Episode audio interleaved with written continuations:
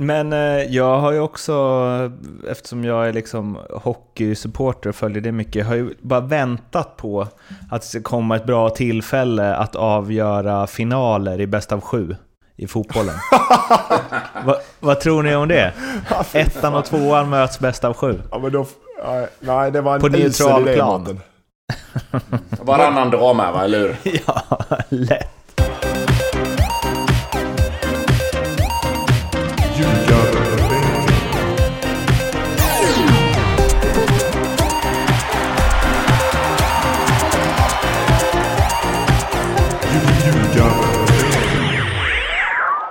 Ljugarbänken, Nordicbets podcast om den allsvenska fotbollen är detta. Det är avsnitt 167. Vi eh, hoppade ju förra veckan, har ni förhoppningsvis märkt. Och eh, det är ju som vanligt Lindström, vi gör lite som vi vill. Ja, vi tror ju det tills vi blir tillsagda. exakt så. Men, men ja, vi gör som vi vill såklart. Mm. Tuffa som vi är. Mm, hur eh, tuff känner du dig idag Tobbe? Jag känner mig inte jättetuff. Eh, jag vet inte om jag någonsin gör det, men... men eh, nej, alltså jag, jag mår jättebra egentligen. Så att jag vet inte riktigt... Svaret var lite så här diffust, men... jag känner mig aldrig jättetuff bara. Du var ganska tuff i chatten innan vi ja, började spela in. ja, men ja, det var väl mer så här... Det är ju aldrig någonsin du som krånglar förutom med tider och sånt. Nej. och när det väl blev lite datastrul och lite internetstrul för dig så eh, kände jag Då att... kände du? Börja... Ja, fan här finns ändå någonting. ja, jag förstår det. Eh, då får man, då får man en, eh, en svag touch av hur det såg ut i IFK Göteborg. Kanske, vad kan det vara, tidigt 2010 där någonstans.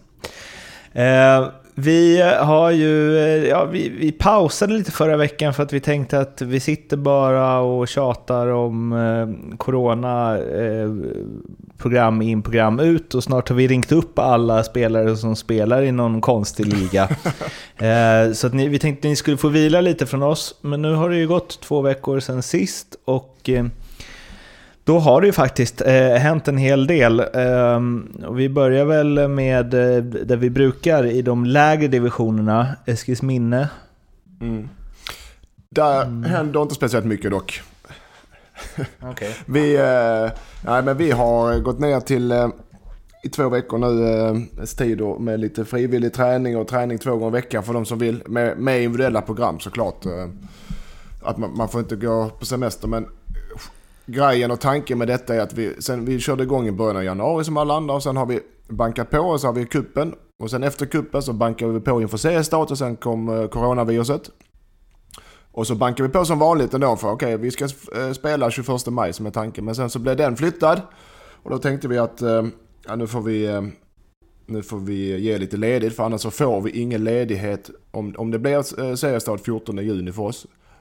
Det betyder en eh, dubbelserie för oss och vi ska in Svenska Cupen, vi ska in DM-match och liknande. Då blir det alltså inte en enda ledig helg eller ledighet från januari till december. Och för vilken spelare som helst, men def, definitivt för division 1-spelare som jobbar fulltid eller studerar, så är det, det går inte varken mentalt eller fysiskt. Så att nu är ledigheten, eh, det kanske blir enkelserie, då får vi ta det då också, men nu är ledigheten, för det är det enda ledighet vi kommer ha i år. Tråkigt att vara ledig i eh, maj i och för sig när allting är stängt. Men, men det är så, så vi är lite lediga. Men, men eh, hur, eh, vad är liksom coach situation i det här då? då? Coach situation Du tränar han, väl inte efter individuellt schema coach två gånger i veckan? Att här, vi, I samråd med min tränarstab så lägger vi ut individuella schema till spelarna så de får med sig. Och så får de göra det. Och två till tre gånger i veckan så lägger jag ut det. Vi har en gemensam tråd som de flesta lag har antagligen. Eh, anmäl intresse till träningen idag. Och eh, så samlar vi ihop de som vi tränar på plan och där vi brukar träna samma tid. Och så kör vi en träning med dem. Så vi har varit 14 personer. Från 10 till 14 personer på de träningarna. Så det är hälften av grabbarna. Så det var bra. Mycket spel, mycket kvadde, du vet. Lite lekar, tävlingar. Tränare har varit med någon gång också och dominerat.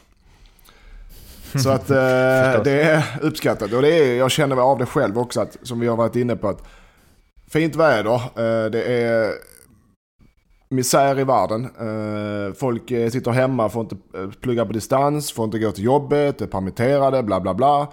Jag tror det är många som vill komma ut och spela lite fotboll bara, som de får göra just nu, om de vill. Ja, eh, Kungsbacka, vad händer där? Um, det ser väl inte jättemycket annorlunda ut egentligen. Um, vi har haft lite så här uh, planstrul kan man väl kalla det. Eh, vi började träna på gräs för ja, två, tre veckor sedan och var inte helt nöjda med den gräsplan.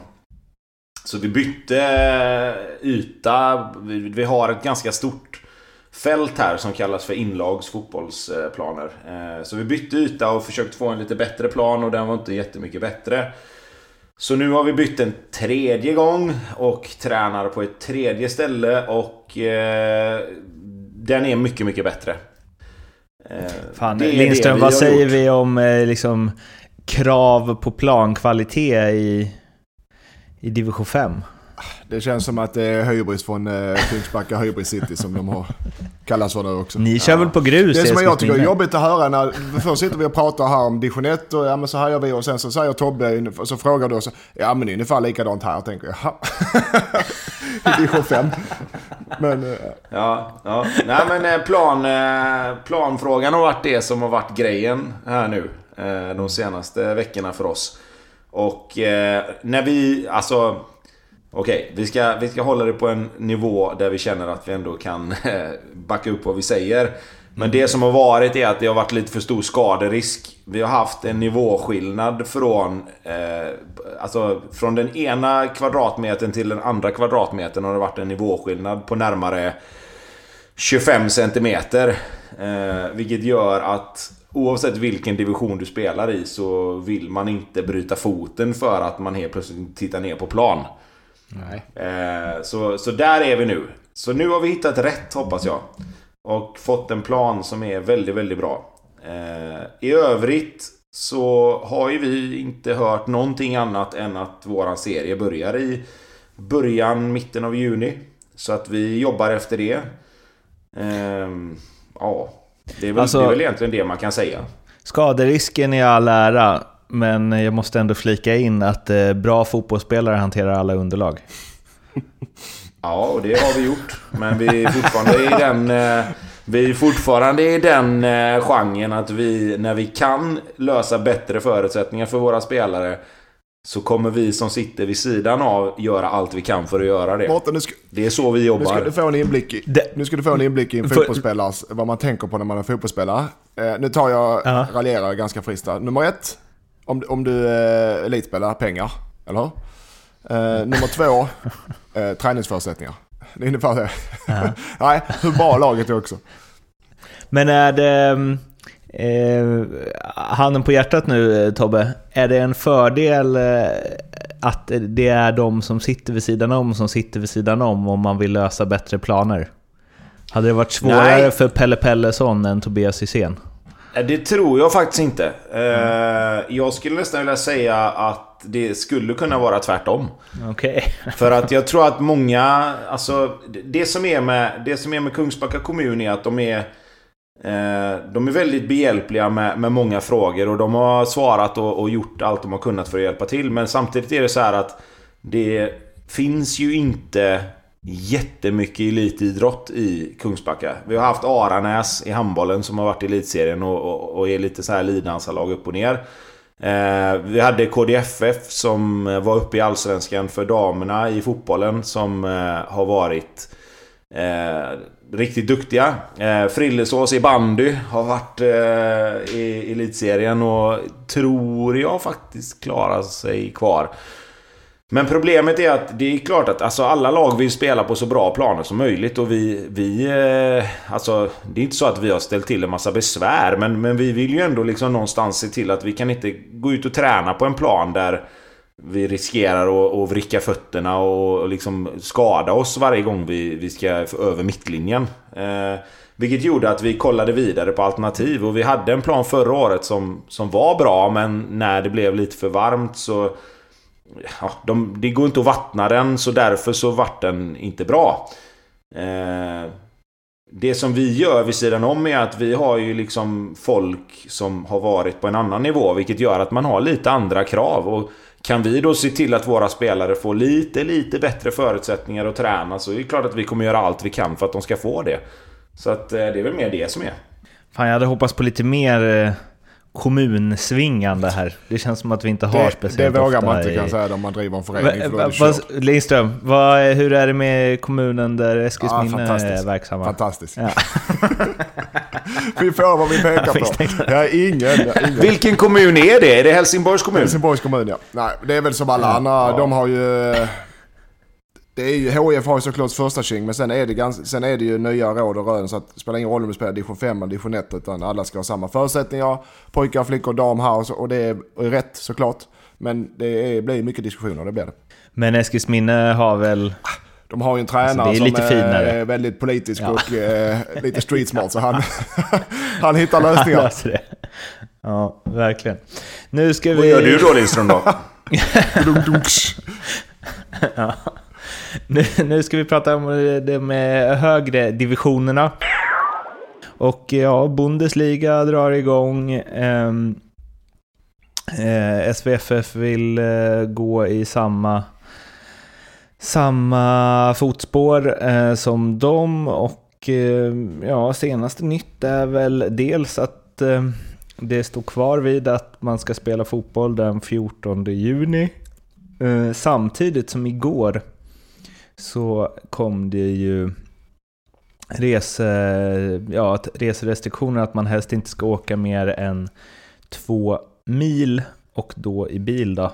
Um, och det gäller fram till och med 15 juli eh, just nu. Det gällde ju fram till 15 juni innan tror jag om jag inte är snett på det. Um, och det rimmar ju inte superbra med att det ska bussas eh, fotbollslag kors och tvärs över Sverige. Eh, samtidigt som det här ska ju vara eh, minutiösa kontroller på alla möjliga sätt och man ska slussas direkt från bussen till avspark i princip. Eh, och det ska testas och eh, handspritas, bollar och hela fadrullan. Eh, jag vet inte, det som kom igår, rim, alltså fotboll måste ju gå helt utanför resten av samhällets restriktioner om det här ska stämma och bli av. Ja, men, ja man, man har ju varit positiv nu när tyskarna och Danmark ska öppna upp och våra grannländer, Norge ska öppna upp och då har vi ändå ett samhälle som ligger före eh, de här länderna. Norge ska köra en sorts gruppspel med, med lokala regionsvis. Den är inte så dum heller. Innan och dra vidare det till eh, resor. Eh, så regionsvis gruppspel. Men och Tegnell säger ju igår att, så man har ju varit positiv, men så säger Tegnell igår att det, det finns inte på kartan att det ska bli premiär. Bara, Nej, tack för den. Eh, det som är problemet är väl att, eh, eller det, det är inget problem för att du ska ju kunna, du ska ju kunna genomföra detta då med att det blir eh, testningen av matcherna, det är självskattning och det är bussresa med max 25 personer. och Dubbel, man sitter i, i dubbelsäte själv och det är ingen line-up och det är som du sa Mårten, man går direkt till matchen och supporterna får hålla sig borta och de får sitta på restauranger men då är det såklart att det är restaurangens eh, krav som gäller precis som det är nu. Alltså det, är inga, ingen, eh, det förändrar inte någonting. Det de är rädda för är folksamlingar utanför eh, men, men vi har ju samhället har ju klarat det hittills och det borde vi klara det också tycker jag. Med att sköta, sköta det som vi blir tillsagda att sköta. Så att eh, det som Tegnell menar på är att han drar inte skillnad på fotboll och någon annan idrott. Eller fotboll och någon annan akt- sommaraktivitet. Det är det han menar ju. Eh, och det är den som gör mig lite orolig för att det här... eh, det, det, ur smittosynpunkt vad jag har förstått så är det ingen skillnad mot egentligen vad det är nu, hur samhället är nu. Om man sköter de här restriktionerna. Nej, och någonstans så det är ju inte förbjudet idag väl att 25 pers får ses och spel, eller är det det? Nej, det får man ju. Vi Nej, tränar. det kan det ju inte vara om du får träna egentligen. Alltså, Nej.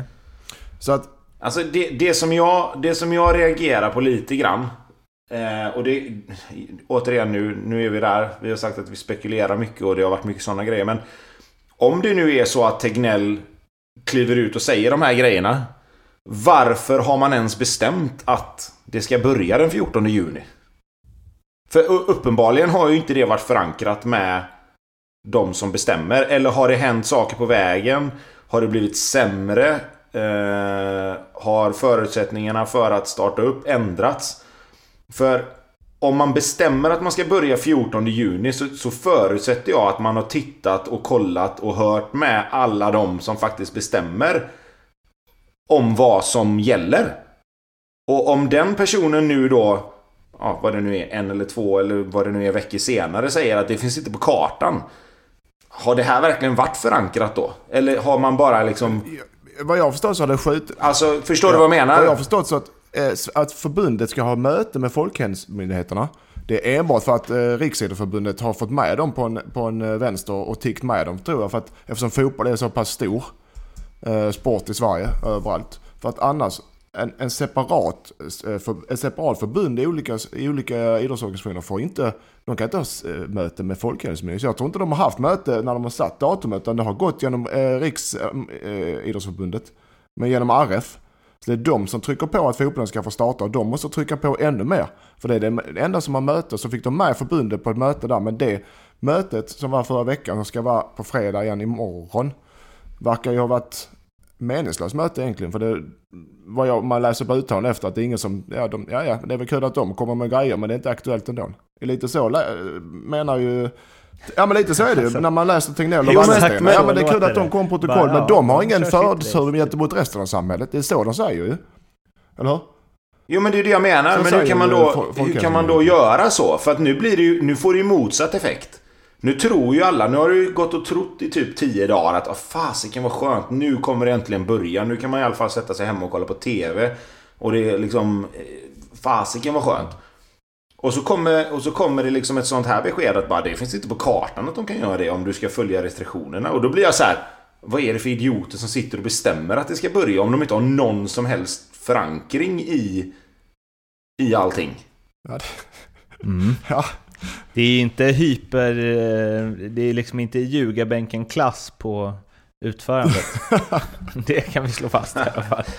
ja, men i varje fall, ja, vi var väldigt positiva för några veckor sedan, men nu är jag helt plötsligt Hä? Det här var jättetråkigt ju. Det, det som är alternativ då tänker jag, om de skjuter på det ännu mer. Nej, det är inte aktuellt eh, pojkar och flickor. Ni får vänta till eh, månad till. Ja då. Du ska ju få ihop en dubbelserie också. Det kan ju bli att det blir enkelserie. För allsvenskan. Det hade inte varit så roligt, eller Nej, fast samtidigt så är det bättre att köra enkelserie än inget alls, skulle jag säga. Ja, det är det. Eh, sen blir det ju... Sen blir det ju... Det är klart att det blir utslagsgivande ändå. Men samtidigt så blir det ju så här att på 15 matcher blir ju serien jämnare än på 30 matcher. Ja, det blir roligare för att bli neutral. De... Ja, det blir roligare allsvenskan. Det kan bli roligare så att det kan vara jämnt med fem, sex lag inblandade. I, alla lag kan vara inblandade i slutet. Ja, och, framför, och framförallt alltså, som, om man nu ska försöka på något sätt vara neutral, vilket är väldigt svårt. Så är det klart att alla lag kommer ju ha någonting att spela för antagligen i 15 matcher. Mm. Eh, jag menar hur många lag är det som vi omgång 23 varken kan åka ur eller... Alltså från omgång 23 och framåt så är det rätt många lag som till slut inte har någonting att spela för mer än... De här då, den här klassiska att det blir mer pengar till klubben om vi kommer femma än om vi kommer nia. Eh, vilket man egentligen... Jag ska inte säga att man skiter i det för du vill ju alltid vinna matcherna men det är ju liksom just det argumentet är ju så trött så att... Det blir liksom bara dumt. Eh, Däremot så blir det ju så här att, jag menar, det blir ju en jävla skillnad för guldfavoriterna. Säg att Malmö får spela hemma mot Hammarby. Det är en jäkla skillnad kontra att spela ja, ja. borta mot Hammarby. Och, och, hur gör du den då? Eh, så där får de ju någonstans, eh, då får du kanske väga in lite faktorer och sånt där med, med sådana saker. Det blir ju spännande ja. att se hur de ska lösa det. Ja. Men grejen, vad jag tror med detta är att Eh, i de andra länderna, i Danmark och Norge, så är vi de som har haft så strikt och öppnat upp för spel eh, snart, eller Tyskland, där är det ju eh, det bestämmande, eller riksdag eller regering som går in och bestämmer. Eller, eh, I det här fallet Löfven i Sverige då. Om det, om det ska bli kick-off 14 juni så måste han gå in och bestämma här tror jag. Och då, jag har inte gjort hittills med någonting annat. Och det har fungerat bra. Jag har varit på Sveriges sida såklart. Men ska det bli spel snart så måste någon gå in till Folkhälsomyndigheten och säga nu kör vi på detta. För de kommer jävlar inte säga det kan jag säga det. Det är min, det, det är min Men, känsla. skulle, men, hur ska du någonsin, men hur ska du någonsin kunna göra Sen ska det? sägas, men ha- Alltså... Det är klart att vi som sitter och älskar fotboll de kan ju göra vad de vill. Men det är okej, klart men att... fan, det betyder så mycket för så många. Men varför, hur är det ens försvarbart? Säg att det skulle ju spelas två omgångar och så plötsligt så får du en andra våg med folk som blir smittade nej, någonstans. Nej, det menar kan du härleda det till att en fotbollsspelare har spelat match, blivit smittad, gått ut och varit med sina polare, varit på ICA liksom. Alltså, finns ju inte en chans. Alltså, jag hoppas verkligen att allting som Sverige har gjort är rätt. Och jag hoppas verkligen att fotbollen kommer igång. Men om inte Folkhälsomyndigheten säger att fotbollen kan dra igång så finns det ju ingen... Statsministern kan ju inte helt plötsligt gå in och köra över dem bara för att... Nej, men fotboll det behöver vi. Mer än allt annat liksom. Nej, jag tror inte de kommer göra det. Men jag tror att det, det Hälsan är viktigast såklart. Det är väl ingen som ska göra något annat. Men jag tror det är det som krävs om Allsvenskan ska starta 14 juni. Med det sagt så tror jag inte den startar den 14 juni. För jag tror inte Sverige kommer att gå och köra över Folkhäl- Folkhälsomyndigheterna i denna fråga. Jag tror inte heller den startar då. Nej. Det är väl, eh, eller det finns väl inte något som pekar på det nu. Att varför skulle vi helt plötsligt bara ändra inriktning liksom? Ja, exakt. Men när måste, den, när måste den dra igång för att man ska kunna spela 30 matcher? 14 juni. Är det så? Nej men alltså Redan då är det väl lite så här med, med matcher hela sommaren och, och allt sånt där. Alltså, Ja. Säg att du skulle dra igång första augusti. Då har du augusti, september, oktober, november. Kanske december, halva december liksom. Eh, fyra och en halv månad, 30 matcher. Det blir tufft alltså. Det går inte att... Alltså, någonstans får du ändå ta med aspekten också att... Alltså, de som spelar Allsvenskan detta året ska ju inte liksom behöva sätta sin... Alltså, nu blir det så här. De ska ju inte behöva sätta sina kroppar och sin hälsa på spel för att du ska få in 30 matcher. Alltså, s- Utan det får ju bli... Det får ju också bli en faktor till slut att okej, löser spelarna... Hur många matcher löser man? Om- Under om- en, en viss period. om du drar igång den första augusti. Då har du, och du säger att det spelar in till, eh, in till jul alltså. In till eh, 15-16 december. Då har du 20 matcher för din där ungefär. Snabbt räknat. 20, men då har du 10 matcher kvar. Du ska Men kan man inte veckorna. köra det då? 20 och sen så...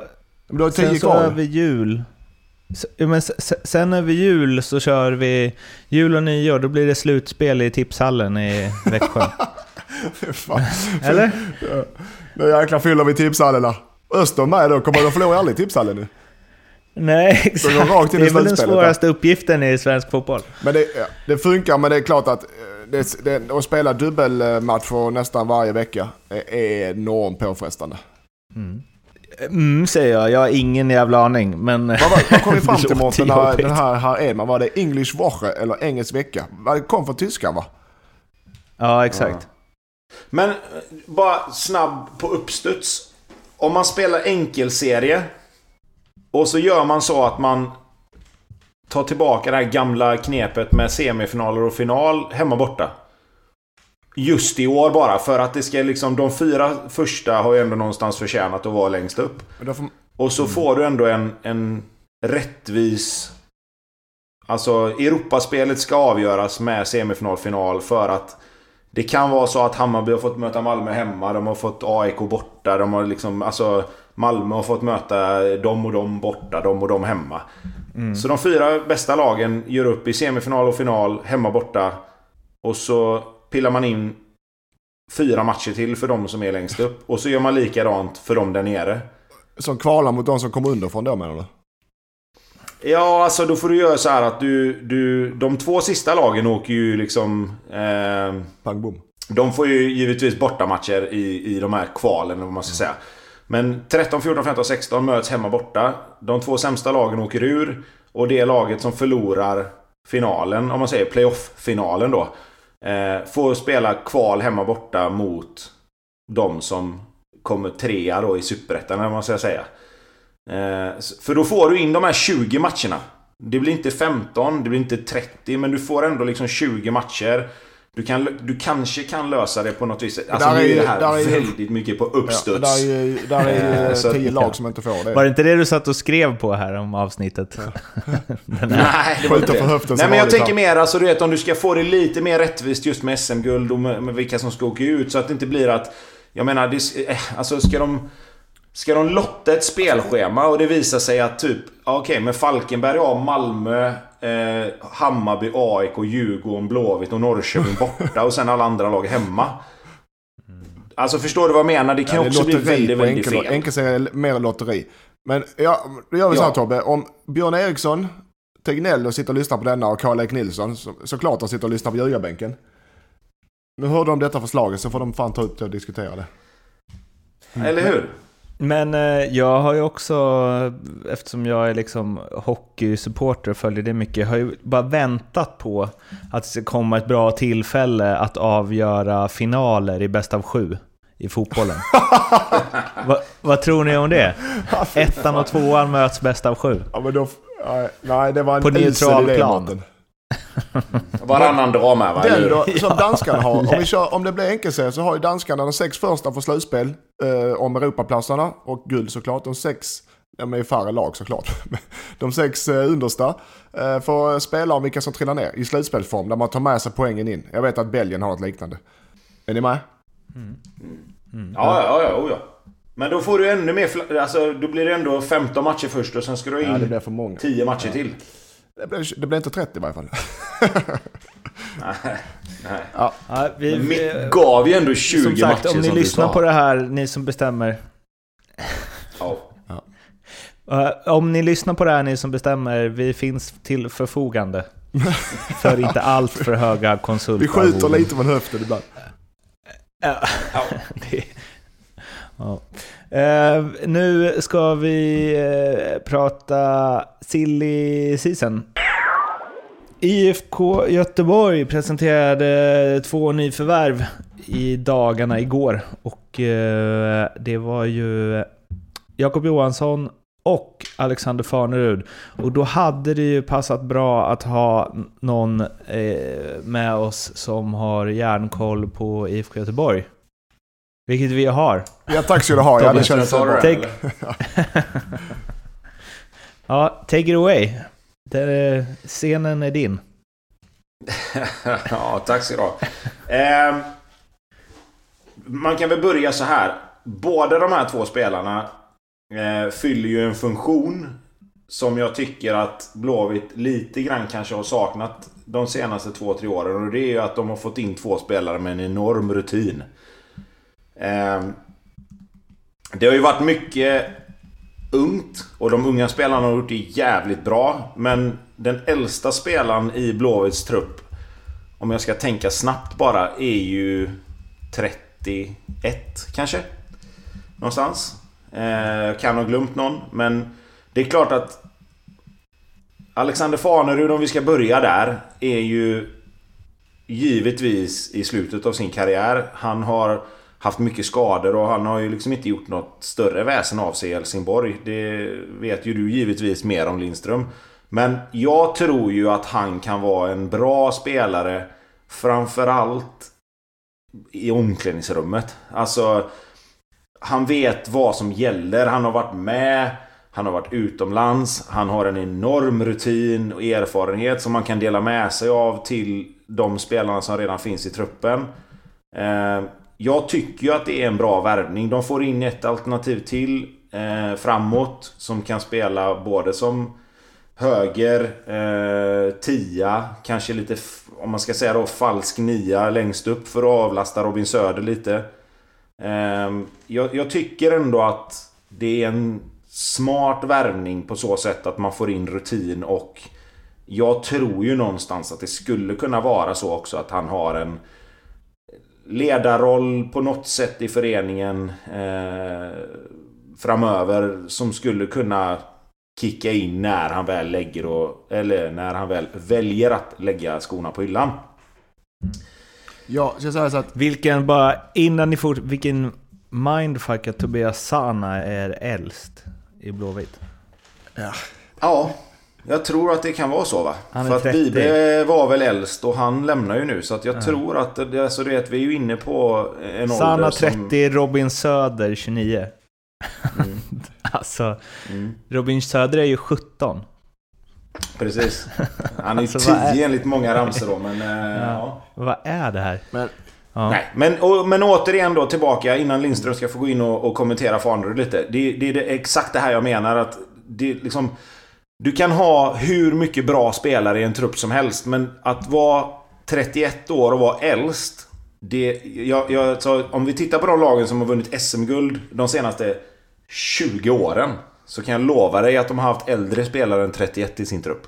Utan att veta så kan jag nästan ja, så, lova det. det. uh, nej men jag håller med om Alex. Uh, grejen med uh, Alex är att det är en fantastisk, en fantastisk fotbollsspelare.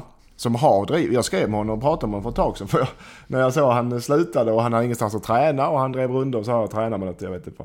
Så uh, frågade om han ville komma och träna hos oss. Bara för att hålla igång lite. Men uh, han har ju ett jäkla driv kvar. Tack men nej tack. Ja, ja, ja men så är det. Ja, men, ja, det är att, men han har ett jäkla driv kvar, det tror, det tror man inte, men han har ju det. Uh, och uh, motiverar som aldrig förr. Så att så sett är det en kanonvarvning. Och, och säkert inte speciellt dyr drift. Skadehistoriken, såklart, det är den man är orolig för. Men när han var i Helsingborg så var han bra. När han var frisk var han bra, ska sägas. Så det är inte så att uh, han hade det tufft i Helsingborg. Ja, det hade han på grund av att han inte skadade. Det är inte det är där den ligger hela tiden. Det är skadorna. När han väl är frisk och, och tränar så är han bra. Han är en bra allsvensk spelare ska sägas i vilket lag som helst. Men får han vara frisk, det är allt det handlar om. Men även lite inne på Tobbes spår också. Även om han säger att han är skadad i värsta fall så behövs det folk med som hjälper och stöttar sina lagkamrater. Och den personligheten är han för det är en fin människa. Så, är, så i värsta fall han blir skadad, då kan han gå och stötta. Och så, I det här läget, ja det gör det. Tänk på den. Och ja, efter en förlust i Östersund i buset hem, då är det all pest och pina. Men tänk på att det blir bättre, bla bla bla bla. Den kommer att krävas och den kommer att behövas i IFK. Så att det... För... Eh, alltså det måste jag säga, jag tycker också det att han...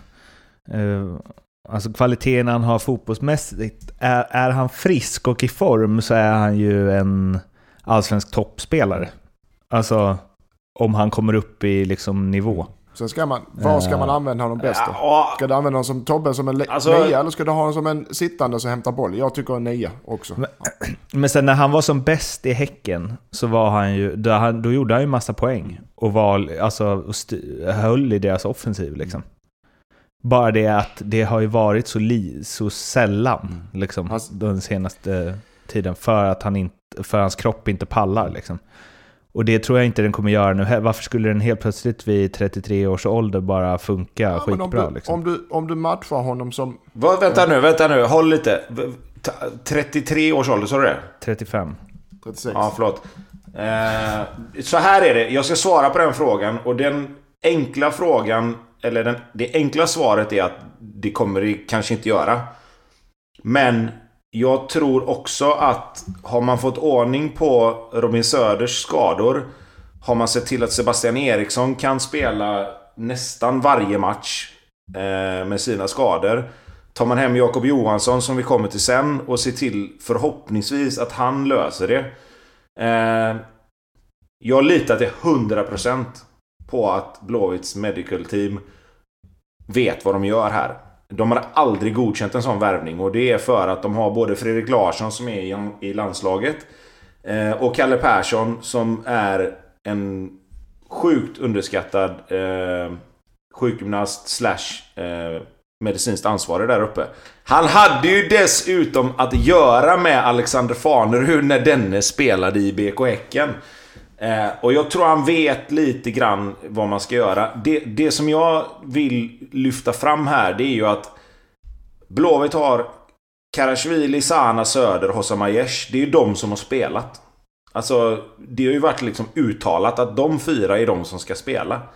Nu får du in en spelare till och framförallt, och det här ska man inte underskatta, framförallt får du in en spelare som kan komma in och göra 20 minuter när som helst.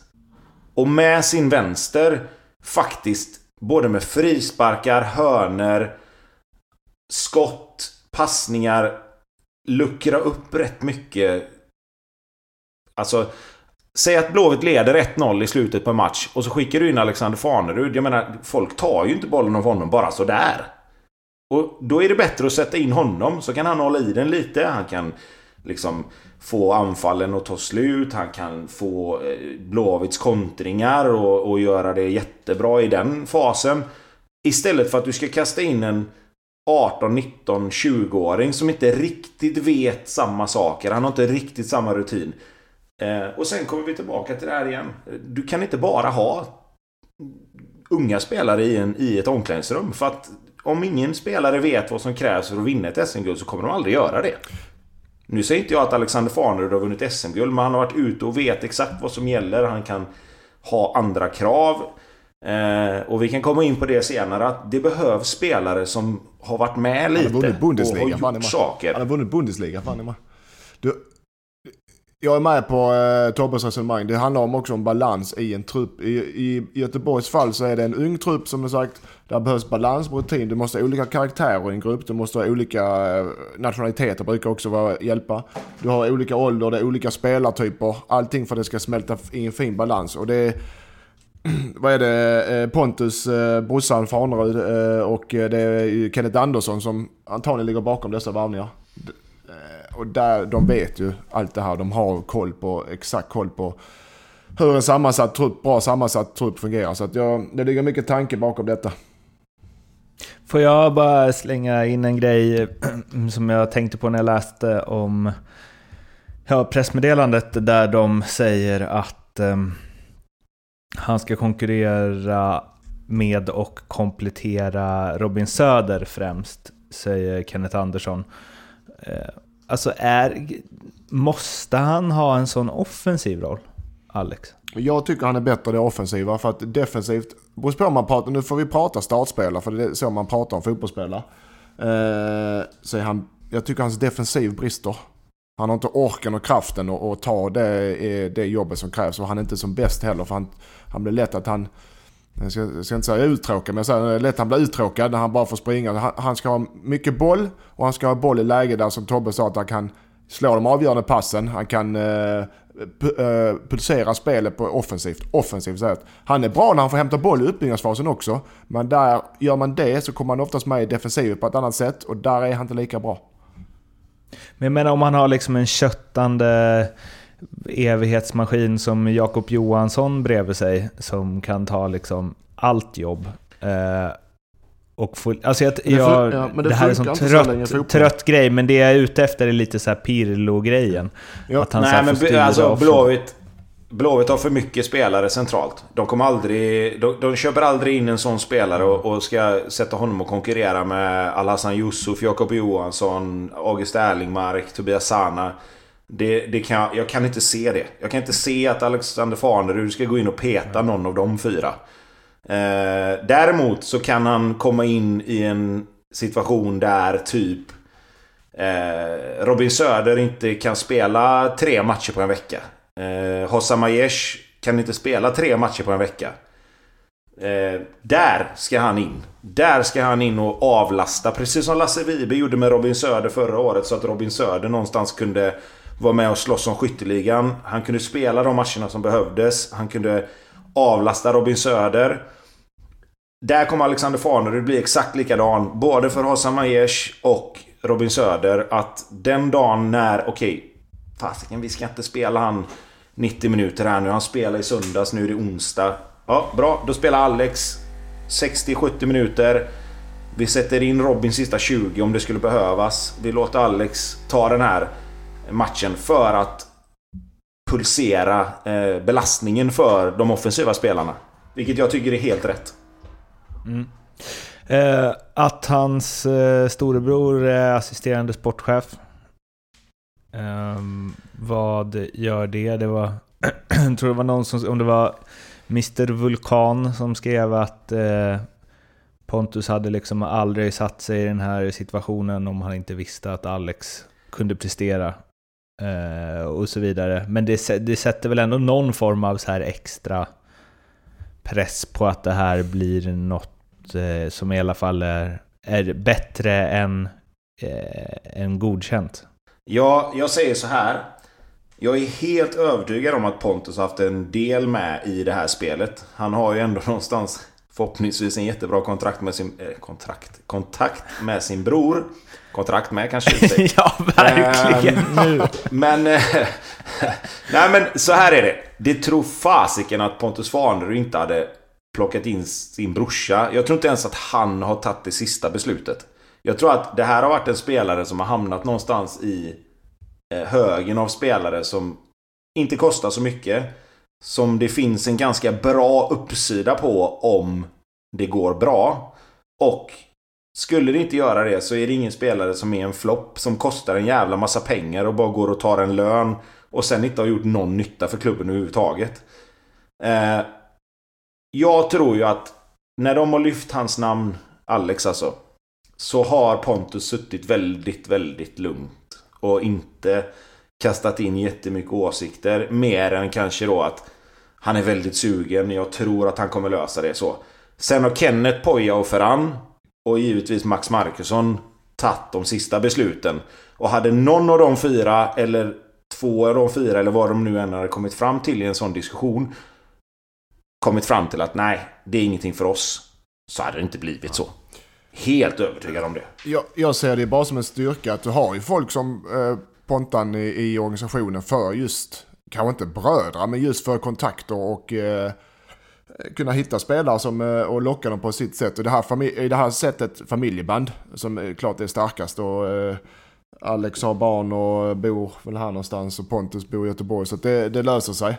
Så den ser jag som naturlig. Jag ser inte det som en nackdel heller att man, att man har familj i samma. Utan, så här gör du, så, precis som eh, Tobbe säger, när du har en sådan spelare så går du igenom honom, du ger inte honom en dyr lön, blir han skadad får han antagligen ingen, inga pengar, går det bra får han säkert någon sorts eh, bättre lön betalt. Eh, du sitter med tränarna och, eh, och, och, klubbarna och pratar och gör väldigt klart för så här är det Alex, nu kommer du in i eh, maj månad, du har inte spelat fotboll på, eh, tränat med någon klubb på hela året. Så här är förutsättningarna, du börjar där så du vet det. Okej, okay, säger han då, vi kör. Så att uh, allt sånt kommer, är glasklart. Det är ingen, uh, det är ingen som tar in och bara för att vara snäll och liknande. Jakob Johansson. Pang, boom. Perfekt, eller? Oh ja! Nej men där, där, alltså det var ju därför jag lite grann började med, med Alex. Alltså Jakob Johansson. Det finns, ju, det finns ju en grej du kan lyfta som är tvivel och det är att han har varit korsbandsskadad två gånger på ganska kort tid. Ehm, men där har du Sebastian Eriksson och Robin Söder. Nu har inte Söder varit korsbandsskadad två gånger men eh, Gustav Svensson har jag för mig har två korsbandsskador. Nu är det ju ett om och ett men. Men skulle det vara något problem man skadar så är det klart att det kommer ju bli ett litet problem. Eh, men Herregud vilken uppsida och herregud vilken spelare att få in i 29 års ålder liksom. Han fyller 30 år. Han har ju, med den spelstilen han har och med den liksom, fysiken han har så har han ju 3-4 år. Där han kan kliva in och vara lika dominant i Allsvenskan. Inte på det sättet att han kommer göra 10 mål och 10 assist. Men han kommer ju vara ett nav i Blåvitt. Som gör att Alhassan Yusuf, August Erlingmark, Tobias Sana, Hossam. Alla de här offensiva och mer box-box-spelarna kommer ju kunna liksom göra som de vill. För Jakob kommer ju stå där lite alla Gustav Svensson och bara förstöra för alla andra. Det, det är jag bara flikar. För mig är det en grym värvning. Alltså framförallt i den åldern är det ju... Alltså du får ju hem en spelare som spelade liksom ordinarie i landslaget och fasken med hjälp av ett italienskt ben sköt Sverige till EM liksom. Det finns väl ingenting att fundera på ens om, om du får chansen att ta hem en sån spelare. Det är ju... Eh, eh, det är ju en, vad ska jag säga, det är en tränars drömspelare. Alla tränares drömspelare antagligen. Att ha eh, Jakob Johansson i sitt lag. Och det ser man också i de klubbarna han har varit i, Göteborg och Aten då, AIK. När han har varit frisk så spelar han alla matcher. Han startar alla matcher med alla tränare hela tiden, år efter år efter år efter år. För det är en, en tränares drömspelare att ha. Och det är en super, jävla supervärn i Göteborg. Om han kan spela och blir spelklar, då har vi den lilla grejen också. den, den lilla detaljen. Är det, är det en tveklös 5 eh, plus-värvning? Jag tycker så här att för att vara en 5 plus-värvning så måste du ju liksom vara frisk när du kommer och kunna spela med en gång. Och det tror inte jag att Jakob kan. Så jag skulle säga att det är en 4 plus-värvning på meriter, på kvalitet, på allting som har med allting att göra. Men det är klart att det finns ju ett litet, litet frågetecken om... Liksom, han har fortfarande två korsbandsskador. Mm. Eh, det är ju alltid ett frågetecken tycker jag. Sen tror jag, återigen då som jag sa, att Fredrik Larsson som är med landslaget har ju en väldigt nära relation till Blåvitt fortfarande och, och hjälper till.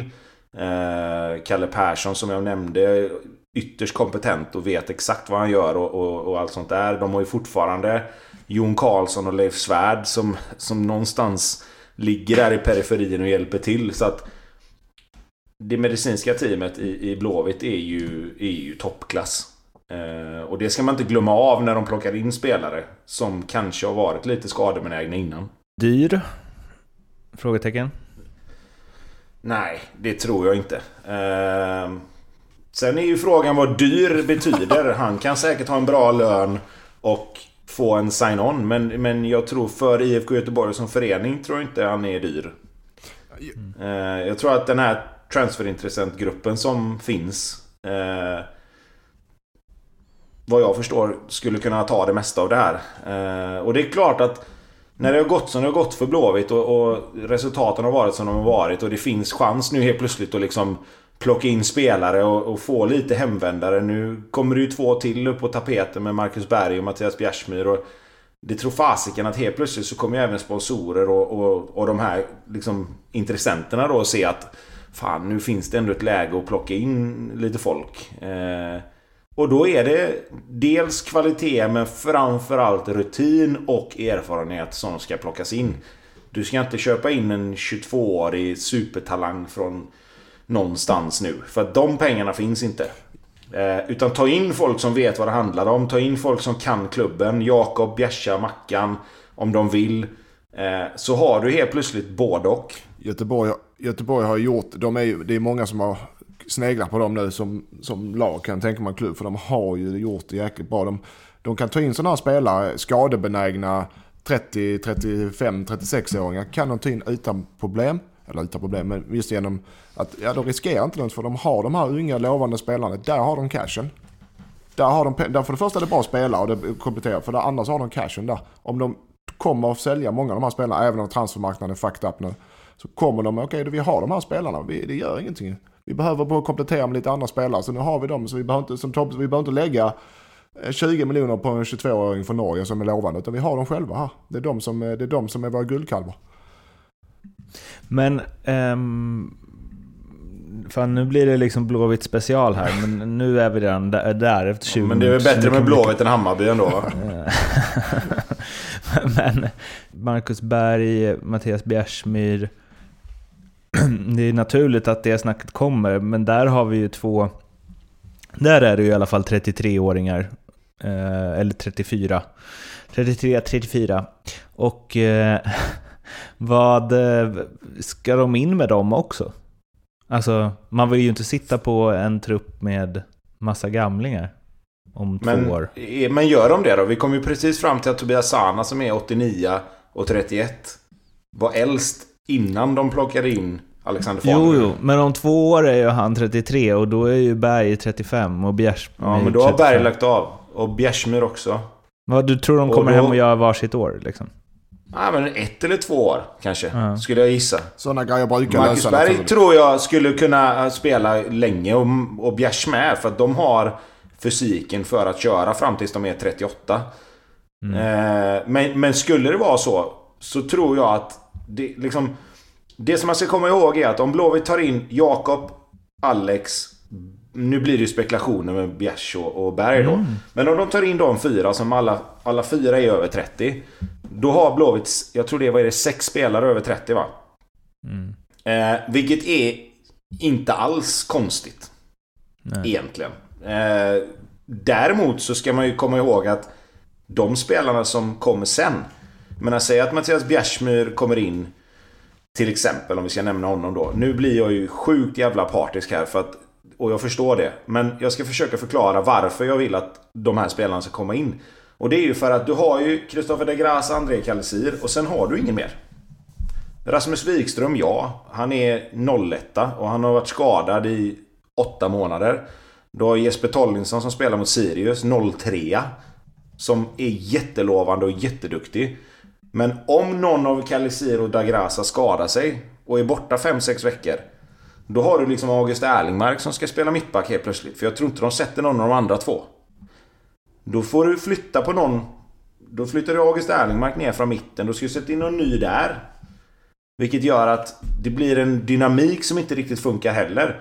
Får du in Bjärsa så kan han spela med... Säg att han blir tredje mittback då, som alla vill ha det till. Ja visst, då spelar han med Jesper Tollinsson eller Rasmus Wikström varje träning. Du har en 34-årig spelare som har varit ute och kört i Europa, som vet exakt vad som gäller. Han har vunnit både kuppen och SM-guld med Blåvitt. Bredvid en 17-åring supertalang då. Det, det, alltså hur ska det någonsin kunna bli dåligt? Han kommer kunna styra honom och hjälpa honom på varenda träning i den tiden han är där. Likadant med Marcus Berg. Varje dag ska de upp och köra avslut och så kommer Robin Söder behöver ju kanske inte den hjälpen rent mentalt. Men jag menar, säg att du har då Oskar Willemsson till exempel som alla snackar om som ska in. Ja, sätt han bredvid Marcus Berg i, i träning i 3-4 månader och få se honom avsluta. Var lite mentor, var lite liksom fasiken. Det här kan bli bra. Alltså jag, jag, för, jag, jag förstår inte problemet egentligen.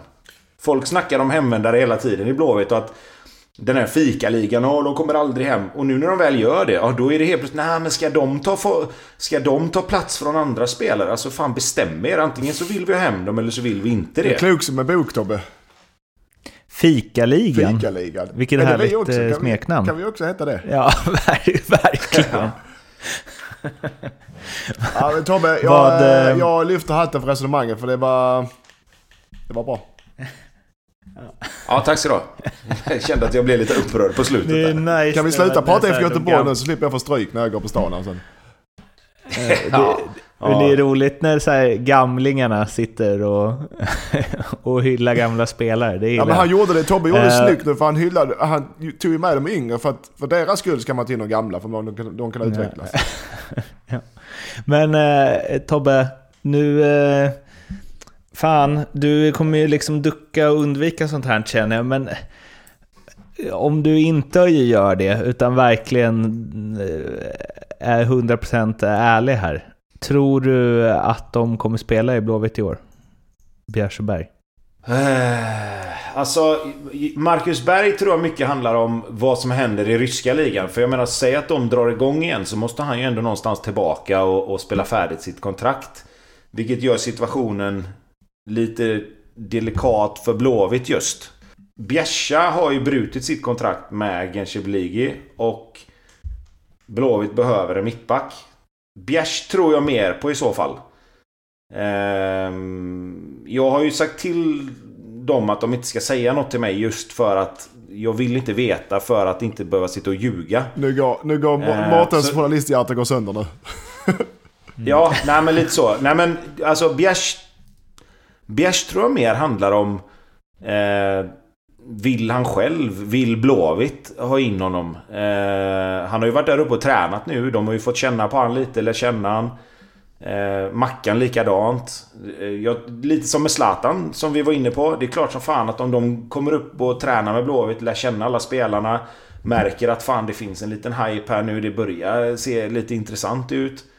Eh, jag tror ju att de kan bli rätt sugna också själva. Ehm, jag skulle säga att Bjärs är mer troligt än Mackan kanske. Med tanke på att Mackan har ett EM att tänka på och kanske vill spela lite högre upp.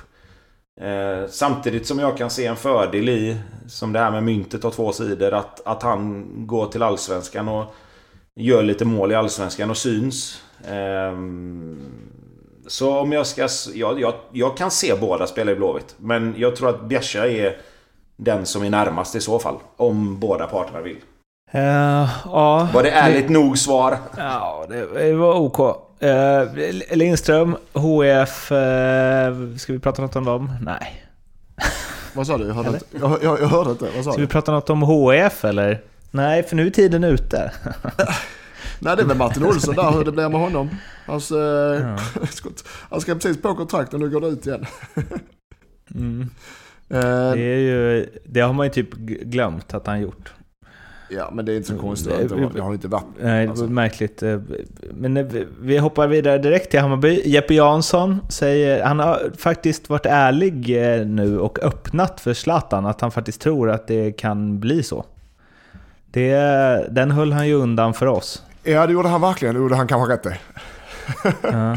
Nej, eh, Men det... men det är väl... Då när liksom sportchefen säger något, och idag kom det väl uppgifter, det är i och för sig nya uppgifter varje dag där, huruvida han ska spela för Milan eller inte. Det var väl två dagar sedan det kom att han ska göra nästa säsong för Milan och nu kom det att han ska lämna Milan i sommar.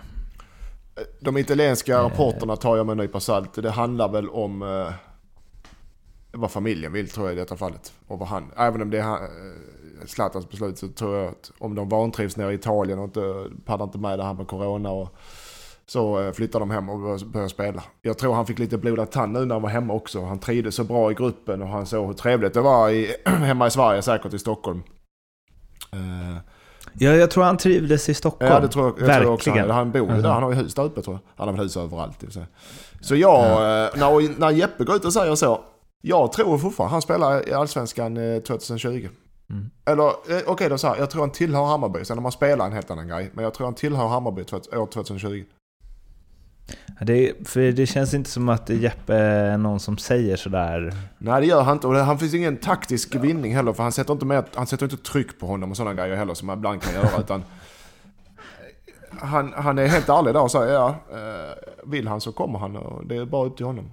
Och han var rätt öppen för det så att eh, ja det är inte omöjligt. Nej, spännande tider. Eh, Förutsatt att det blir någon fotboll förstås. Eh, Nästa, vi ska börja runda av efter det här Blåvitt-avsnittet. Något tillägg från någon av er? Nej, Nej. det har jag inte. Nej, jag tror inte det. Nej. Då hörs vi igen nästa vecka. Må gott. Hej då. Hej då, hej då. Ha det bra!